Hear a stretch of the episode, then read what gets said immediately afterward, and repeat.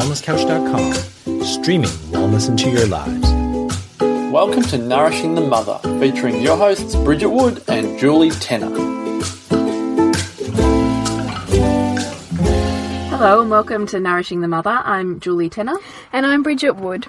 And today we're talking about princess archetypes. But before we get on to that, I just want to jump in and tell you a bit about the retreat, which we've just launched. It's coming up on the 8th of November, and it's really for the women who have been like us at some point in their mothering journey or in their career journey where they've found that they perhaps have lost themselves by degrees or they're really feeling like that they've got out of touch with what they're really here to do um, and falling back in love with the life that they've got and the, the families that they've built and, and the career or job that they have. And it's really about creating a space to just awaken that soul purpose that you're here to do and really nourish who you are and reconnect with that. You know to give yourself permission to have a space to go in in deep into yourself and be surrounded by a community of inspiring women who are on that same journey with you. So we'd love to invite you um, to join us on that. Um, you can find out more on our facebook page. But let's get stuck in today's podcast Sure. So, uh, really, last week we interviewed Elle Griffin and she really walked us through historical biblical archetypes. And Bridget and I were discussing, wow, was bringing up so much for us around what a feminine archetype is and the exploration of the divine feminine. And that's all coming up for us because we're really looking at how we're going to explore that in our retreat. yes And so Bridget said it's so confronting because we're talking about Disney princesses that have such a background to them of um, certainly in the natural parenting community of being quite a negative influence for young girls or young women. yeah So today we really wanted to pull those apart, and I really wanted to bring in a bit of um, storytelling and narrative around those stories and see if we can really find a more balanced viewpoint on what they have to offer us and our daughters. So I want to start with maybe just talking about the archetype because we didn't really set that in place last week, and I want anyone who's not sure what that means to really understand that an archetype is just a set of characteristics that are universally universally attributed to that person. So the way they look, the way they act, the way they speak. So if I say queen, king, mermaid, or witch, there's a certain list of attributes that we can all kind of conjure in our head that describes this type of person. And that's really what an archetype is. It's a traditional or universal description of different types of characters, which we can embody, we can call upon, or we can certainly use to influence ourself to further our development by taking in parts of those characteristics. So I'm just going to start with a quote from the book Women Who Run with the Wolves, which, if you're interested in pulling apart our history as women through stories, is a really fantastic book for you to read. And certainly, she talks a lot about how to read our dreams as well. So, this is one I'm going to focus on specifically for this podcast. And here it goes. The problem with being too good, in inverted commas, is that to the extreme, it does not resolve the underlying shadow issue. And again, it will rise like a tsunami, like a giant tidal wave, and rush down, destroying everything in its path. In being too good, a woman closes her eyes to everything distorted or damaging around her and just tries to live with it. Her attempts to accept their abnormal state further injure her instincts to react, to point out, to change, to make impact on what is not right and what is too just. So, the first part, um, and this author really describes the first part in any of the stories and fairy tales that we grow up with, is to some extent she's bringing in this crone archetype. So, this too good mother, which we could relate to the Virgin Mary, this mm. too good woman um, that all fairy tales start off with. They always start off with this really beautiful maiden, which is another archetype of the mm. feminine. So the three main archetypes of the divine feminine are the maiden, the mother, and the crone. And they all represent something a little bit different. So the maiden is your really naive, too good, too beautiful, too precious, sheltered woman, usually mm. young. And the mother then has gone through a rite of passage and has a slightly different point of view, but still is very much protective and mothering and nurturing, and sometimes to the extreme. So too too mothering and too nurturing oh then my has an impact over, on the soul. overprotective Yes. Yeah. Because again, still, if you're in that space, then you've got to think all of these are archetypes within our one soul. So mm. if our mother is still mothering our naive child or daughter or whoever we are, they're never going to grow up. They never get to experience the world. And it's through those deep, dark moments that we really come into our light and our being and find out who we are and what we're made of. yes So in steps the crone or the witch or the dark perpetrator of some sort in any of those stories and within our dreams. And her purpose there really is what um, this author refers to as a life death life cycle. So her version is to take the life that is, so the the um, naive maiden generally is what happens in our fairy tales, and she casts her out in some way that she must enter the deep dark forest and she must meet her maker and meet the devils and go through almost a heroine's journey of the rite of passage to get back in touch with her wild woman self, her instinctual self, mm. to learn the lessons of valuing who she is and seeing what she sees and really hearing what she hears and having the courage, like a wolf mother, to be instinctual enough to react to not be duped, which is often what the too good yeah. princess is. Yeah. So when we look at the divine feminine, that's really the three main archetypes, and there's loads more that we can bring in and be relational too, but in most fairy tales, they are the general archetypes that are in there. And in a fairy tale, whenever we're talking about even masculine archetypes, so the prince, the king, and even a male perpetrator or predator of some sort, they are all still representative as spectrums of that female psyche. So the female psyche still has as, uh, aspects of the masculine within it. So I'm going to read you another quote from this book, which is talking about the rites of initiation or the rites of passage that a woman goes through when she's moving through these stages in her life. So the first task, allowing the too good mother to die. The psychic tasks of this stage in a woman's life are these accepting that the ever watchful, hovering, protective psychic mother is not adequate as a central guide for one's future instinctual life, and therefore the too good mother dies taking on the task of being on one's own, developing one's own consciousness about danger, intrigue, and politic, becoming alert by oneself for oneself, letting die what must die, as the too good mother dies, the new woman is born. When a woman's instinctual nature is strong, she intuitively recognizes the innate predator by scent, sight, and hearing, anticipates its presence, hears it approaching, and takes steps to turn away. In the instinct injured woman, the predator is upon her before she registers its presence, for her listening, her knowing, and her apprehension are impaired, mainly by introjects which exhort, exhort her to be nice, to behave, and especially to be blind to being misused. Though there be injury if a woman is captured and or tricked into remaining naive and compliant, there is still left adequate energy to overcome the captor, to evade it, to outrun it, and eventually to sunder and render it for their own constructive use.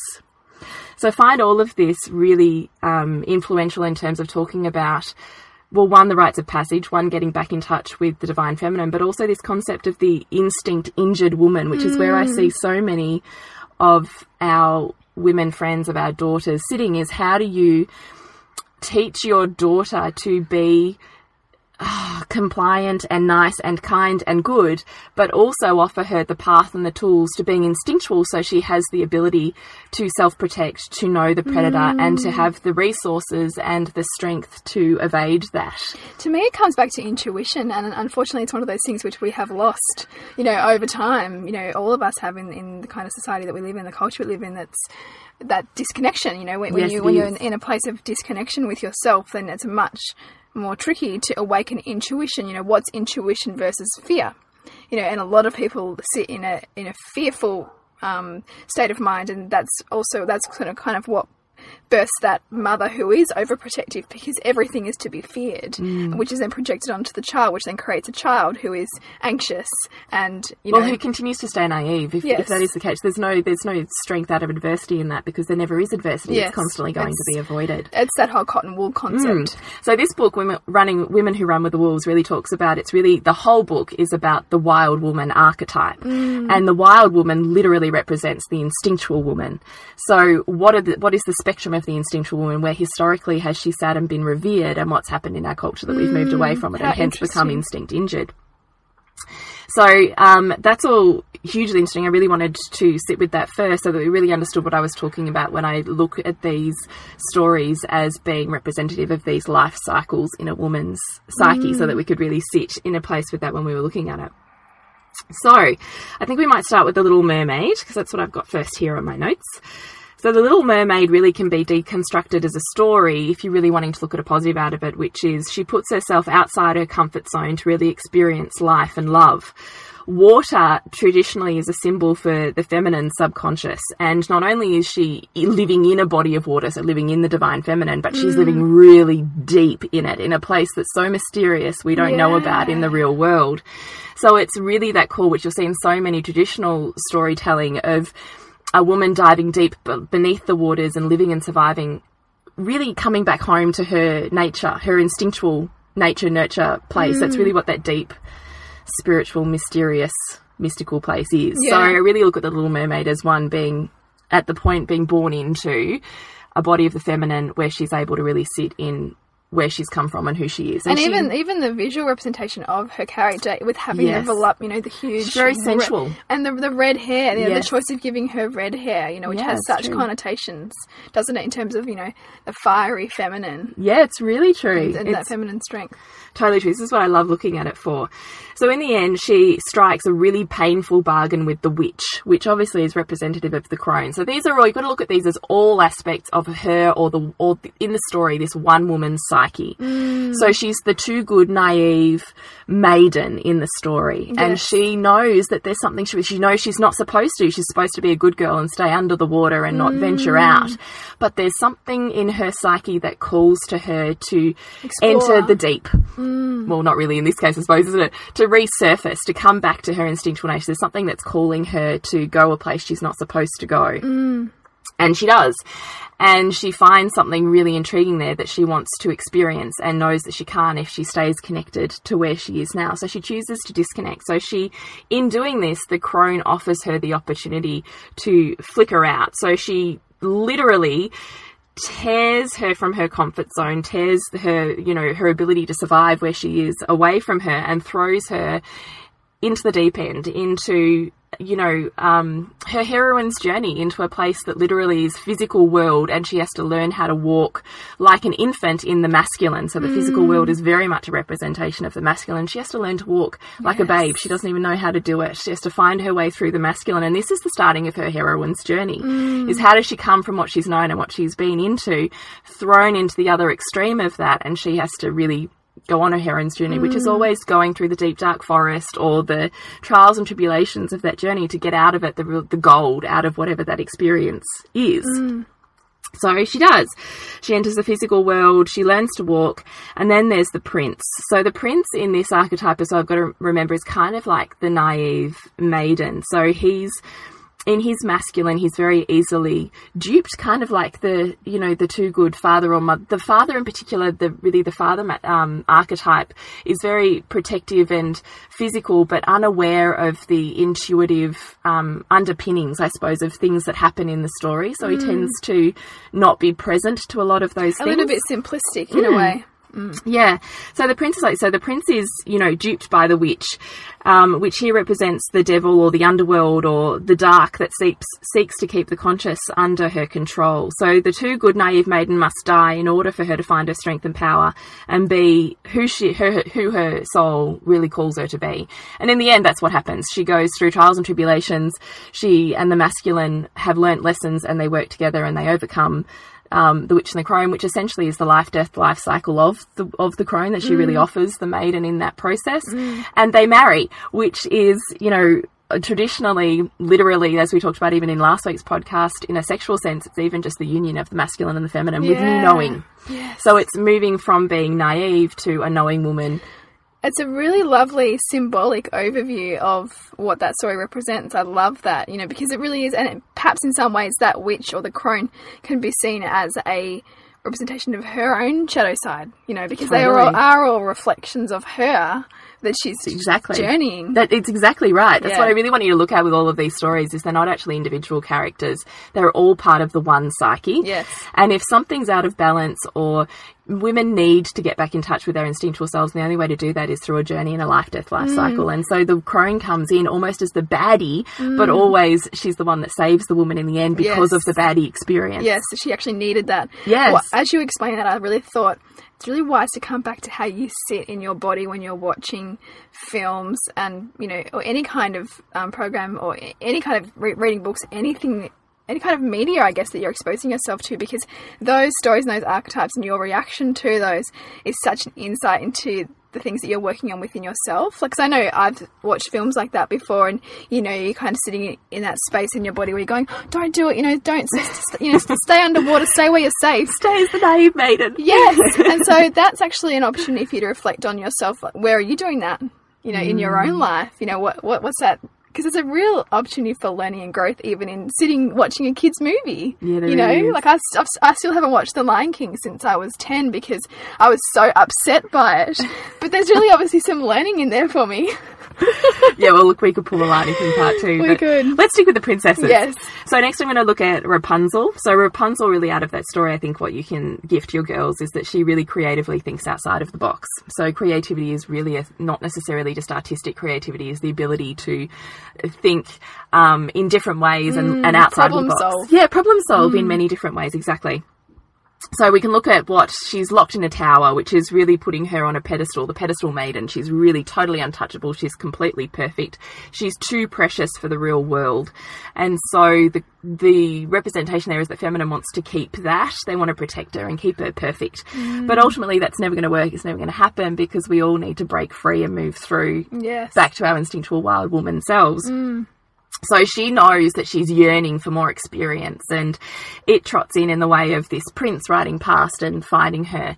And that's part of, again, that masculine calling back to a physical sense and a journey and a heroine's path. And so he provides the impetus, I suppose, for her to want to be thrown out. And then we see the witch and the crone. So she forces the maiden to die in order to be reborn a new woman. So in that story, there's very much this omnipresent witch who, in a way, has tried to keep her trapped and safe, but in another way, has, in doing that, has forced her out of that bubble to go on her own heroine's journey. Mm. And obviously, in the original fairy tale, she then is cast off and the prince becomes blind, and it's actually those journeys as their own. It's the journey of the masculine as well as the journey of the feminine, moving from being naive to being knowing and instinctual, and then they mm. marry up again. Obviously, in the Disney version, um, they go through trials and tribulations together, and um, the, that that witch crone kind of presence is always um, there to kind of keep her spurring on. She never really stops her. She just kind of gives her the impetus to to keep moving forwards. Um, so then if we look at Pocahontas, which I actually really like, and even growing up, I remembered loving her story. What I love about that is that she really brings with her a lot of mysticism, a lot of intuition of ancient art. She even speaks to the tree of life or the tree of wisdom, which is even represented as the feminine in a water space. So you kind of think it's mm. actually all these extraordinary themes, even in even in the Disney version Yeah. of that. So, and what I love about Pocahontas is that her whole journey is about paying attention to the details and paying attention to her intuition. And that's what her story is. In the end, the way that she saves herself, saves her love, saves the masculine, saves her tribe, is through listening to her intuition and trusting that wild woman enough to know which path. She doesn't have to guess, she doesn't have to be told anymore. No one's controlling her. She knows where to go because she's reconnected with her instinctual self and moved through mm. those rites of passage. So I actually really love that. Also, there's lots of animals and lots of princesses that talk to animals in those Disney versions, and animals really typically represent the wildish instinctual nature that we're communicating with. So I also love that in a lot of these Disney movies, there's so many animals, and she's constantly talking to them, and they're constantly her friends, and they're helping her, which is such a guide for our intuition that when we choose to listen to mm. it and communicate with it, It's helps always us and there. gui- always there, mm. helps us and guides us. Mm. Um, in Pocahontas, we've also see the father type who unknowingly again is keeping her in her maiden state because he wants to direct her life, he wants to keep her safe, and he wants to choose the path that he believes is best for her and it should go. So um, there's love and there's union through connecting and listening to her intuition. The masculine and the feminine are one, um, and she's no longer naive and she's moved through that. Then at the very end of the Pocahontas, this is very interesting, very different to any of the other stories. At the end of Pocahontas, love leaves. The masculine takes a step away, which is also a really interesting storytelling theme in that there's this presence of, of protect, protection, connection, and um, love, but that it is at a distance. It's not in a physical proximity. And storytelling wise, traditionally, that was also a sign of now the knowing woman with her new knowledge and intuition and guiding points is ready for her next step, her next leap, her next mm. journey. And that's also what I think you're left with in Pocahontas is that, you know, on one level you're kind of sad that it's leaving, but another level she's so empowered and so knowing in her state that you're completely happy for mm. her as a woman. She's so whole as yes. she is. Yeah. Mm. So I really, I really love that about her story um, as well.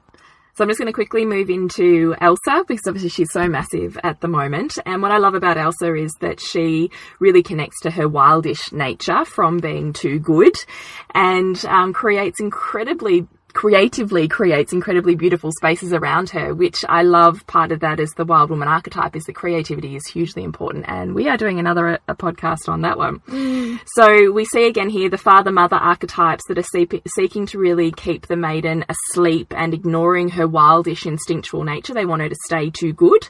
They even fear what that wildish nature unleashed would be, which again is really interesting themes for me. So um, they choose instead to really dull her, to get her to conform, to let go of her creative and instinctual side, which of course she can't.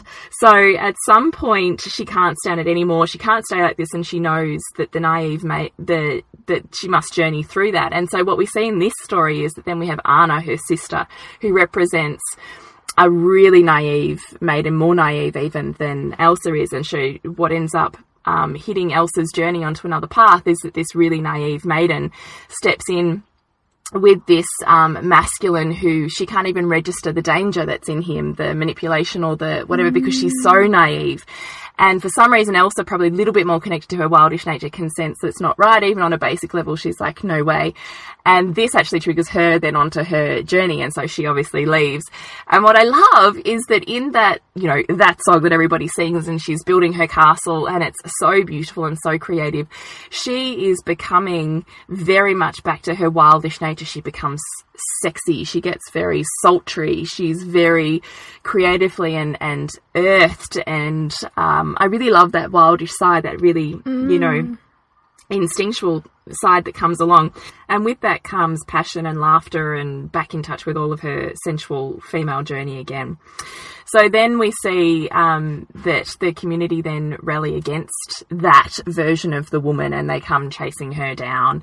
And ultimately, she gets knocked out. So, representatively in fairy tales, when a woman enters slumber, she's in a either she's asleep from what's happening around her and she's in the very naive state, or it can be representative of she's in the underworld journey. So, she's journeying some really deep, dark stuff and she's trying to reconcile within her psyche where that fits so that the new mm. woman can be reborn.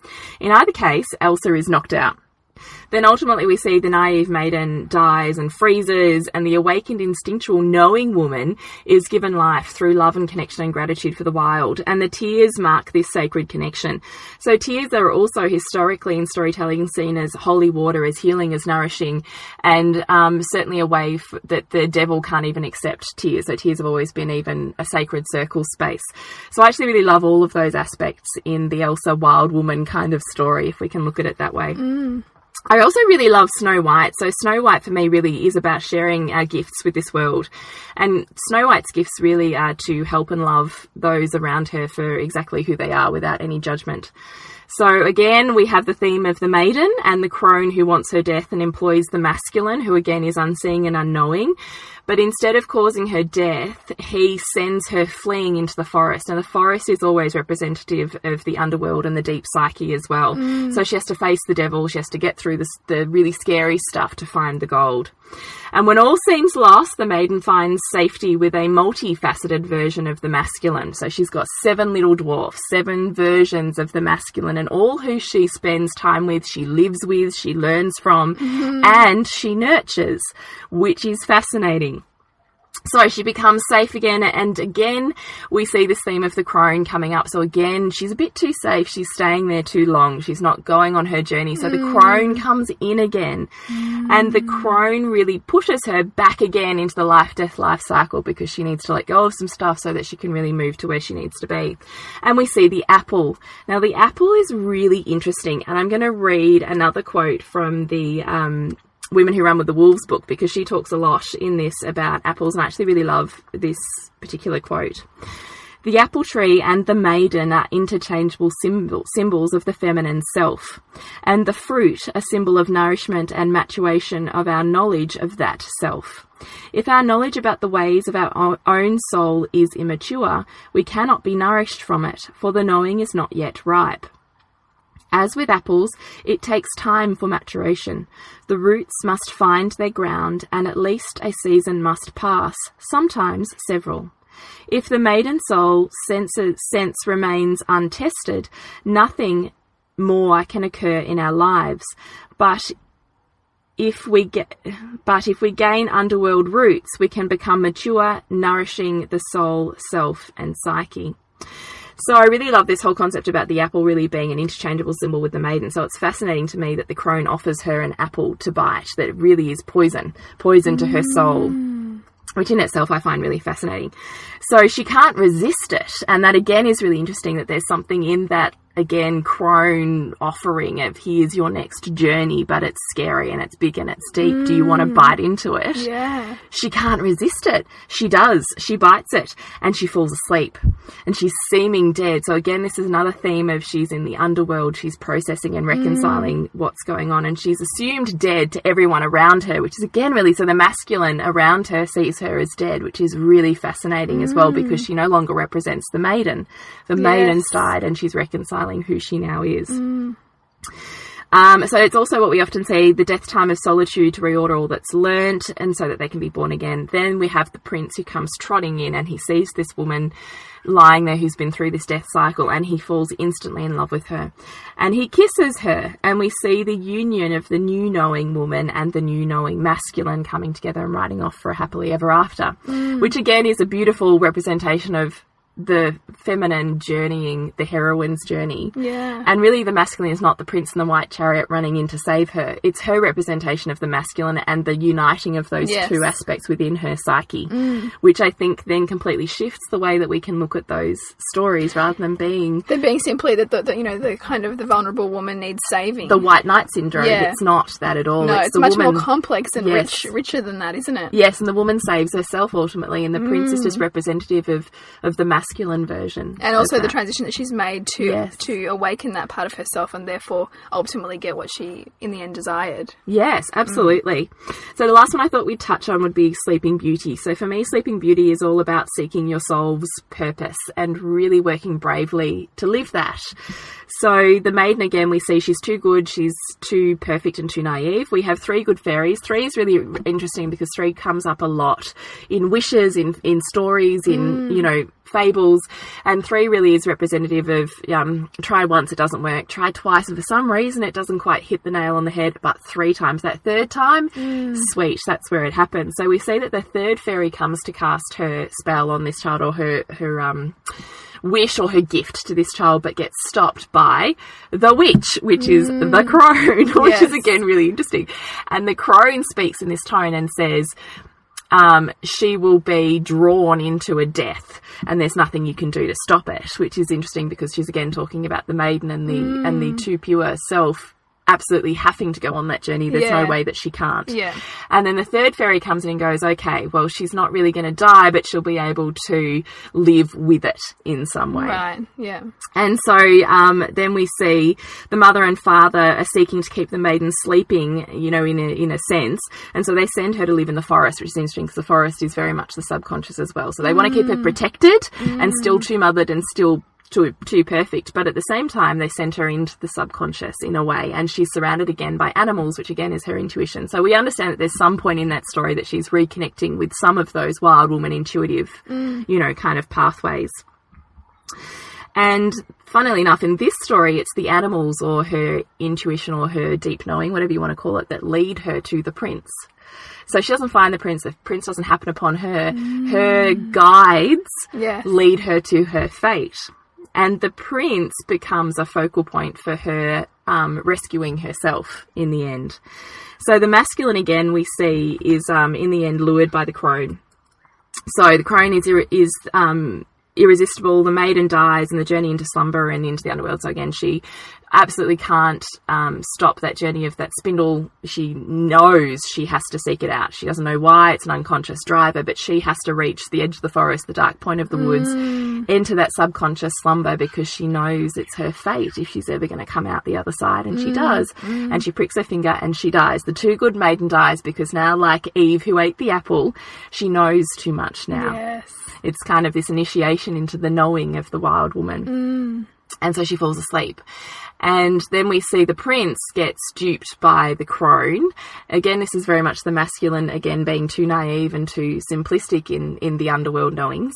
And he then has to go on his hero's journey. So the masculine then has to grow up. So we see him fighting and, you know, getting out of all sorts of dangers and dramas and the dragon. And, you know, we could certainly talk about all of those um, symbology. And in the end, he fights through all of those. He's grown up, he's learned some lessons, he's proved his love and his devotion to this new woman. And he enters her space and he seals their union with a kiss. And that's the connection and conjunction between truth and love, the union of the human soul and the human spirit with the divine. That's essentially what historically a kiss meant. It's the union between the masculine and the feminine, mm. and the union of that that creates the perfectness of, of the divine.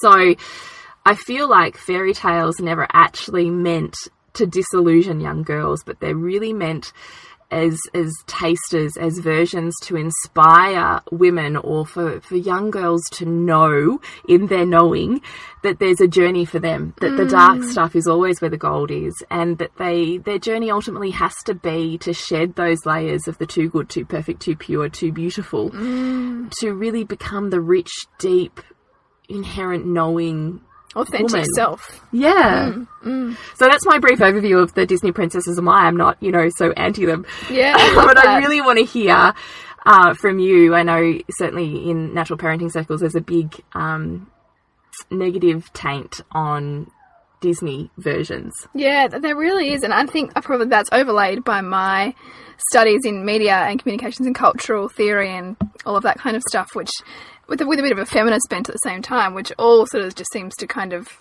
you know, jar with the whole Disney princess um, theory. And I just love the way that, that these stories or this way interpretation that you have has really been able to um, unpack the, the beautiful journeys in that, and actually it kind of rebalances this perception of sort of the the masculine sort of being much more kind of superior to the feminine, which is the way that a lot of people are interpreting these Disney stories. You mm. know that the that the woman always needs saving, and that this poor girl, she's this damsel in distress kind of scenario.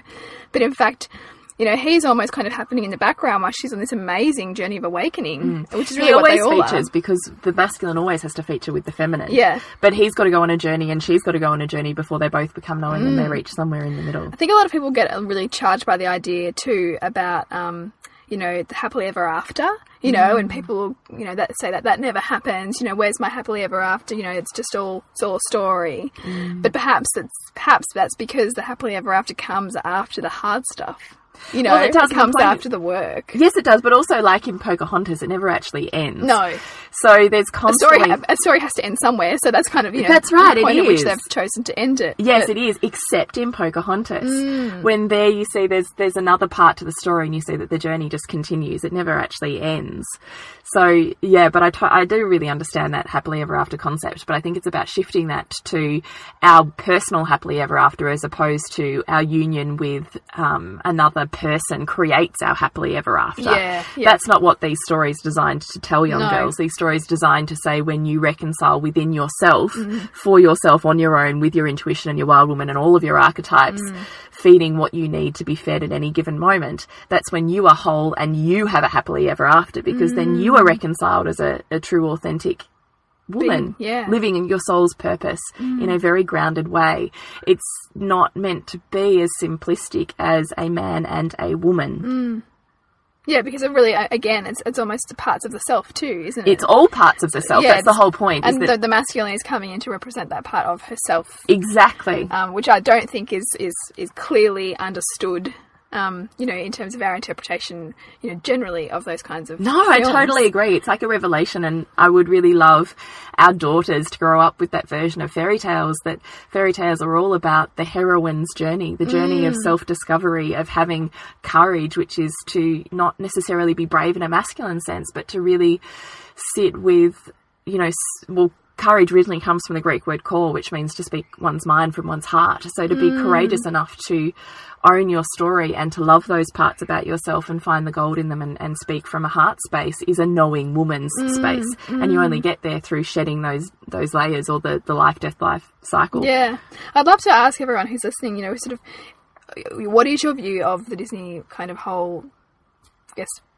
entourage of films that explore these themes. And you know where's that come from? You know is it something that's a little bit negative? Is it something that's you know not is it not highbrow enough? Is it too mainstream? Is it too you know like trying to make our homogenize our children into you know all wearing elsa dresses or you know d- i- do you have a, a, um, a view on it like that? Because it's a real invitation this this exploration that we've just done here to look for the other side to see the the beauty in these stories and the opportunity for conversation that it opens up with our children um, as to how they might be able to explore their own challenges you know or you know where's the gifts in them where's the gifts in the hard stuff for them you And know? also, where's the knowing of the intuition? Yeah. Where- Intuition's a the, big one. Where's the path for our girls to find their way back to their inner knowing Mm. and inner guidance system? And here we have beautiful stories that can illustrate that, that make our hard times seem hard, but at the same time that we can sit with them and we can bear them and we can move through them. Mm. And I guess rather than labeling things, you know, around our kids as bad or, you know, we don't do that, instead of it being a bit of an open conversation about, you know, how do you feel about that? You know, and, and those things that are coming up. Because there's just something to learn in everything that our kids are surrounded with. And the, I guess the more we shut them off from those things that perhaps might be a little bit at odds with our own value system, there's always so so much learning to be able to happen in that if we're having a conversation around it. That's exactly right. So I really hope that this brought some epiphany moments to you, maybe um, a smile or a tingle of a memory for you from your childhood. And I hope that it inspires you to reconnect with your wildish woman, with your instinctual self, and mm. find your blessings and your gifts in your creativity. So you can connect with us through facebook.com slash nourishing the mother or Bridget through suburbansandcastles.com and you have a movie night I do. I've got a couple coming up in September. We've got the the connection, which is all about the mind body connection, and in October, it's called there's a film called The Empowerment Project, which is very very um, current for this topic that we're talking about, which is really about um, helping girls and women to really awaken their um, their kind of true selves and travel a path of often unconventional careers, and you know really look at the lives of women and, and the choices that they're making in terms of what awakens them um, in their purpose. It's going to be a really great celebration of um, being a female. So I love that. And you can connect with me for soul sessions on naturopathicbirth.com.au. Thank you. thank you. This has been a production of TheWellnessCouch.com. Check us out on Facebook and join in the conversation on Facebook.com forward slash The Wellness Couch. Subscribe to each show on iTunes and check us out on Twitter. The Wellness Couch, streaming wellness into your lives. Whilst the Wellness Couch presenter endeavor to provide accurate and helpful information to their listeners, these podcasts cannot take into account individual circumstances and are not intended to be a substitute for health and medical advice from a qualified health professional. You should always seek the advice of a qualified health professional before acting on any of the information provided by any of the Wellness Couch podcasts.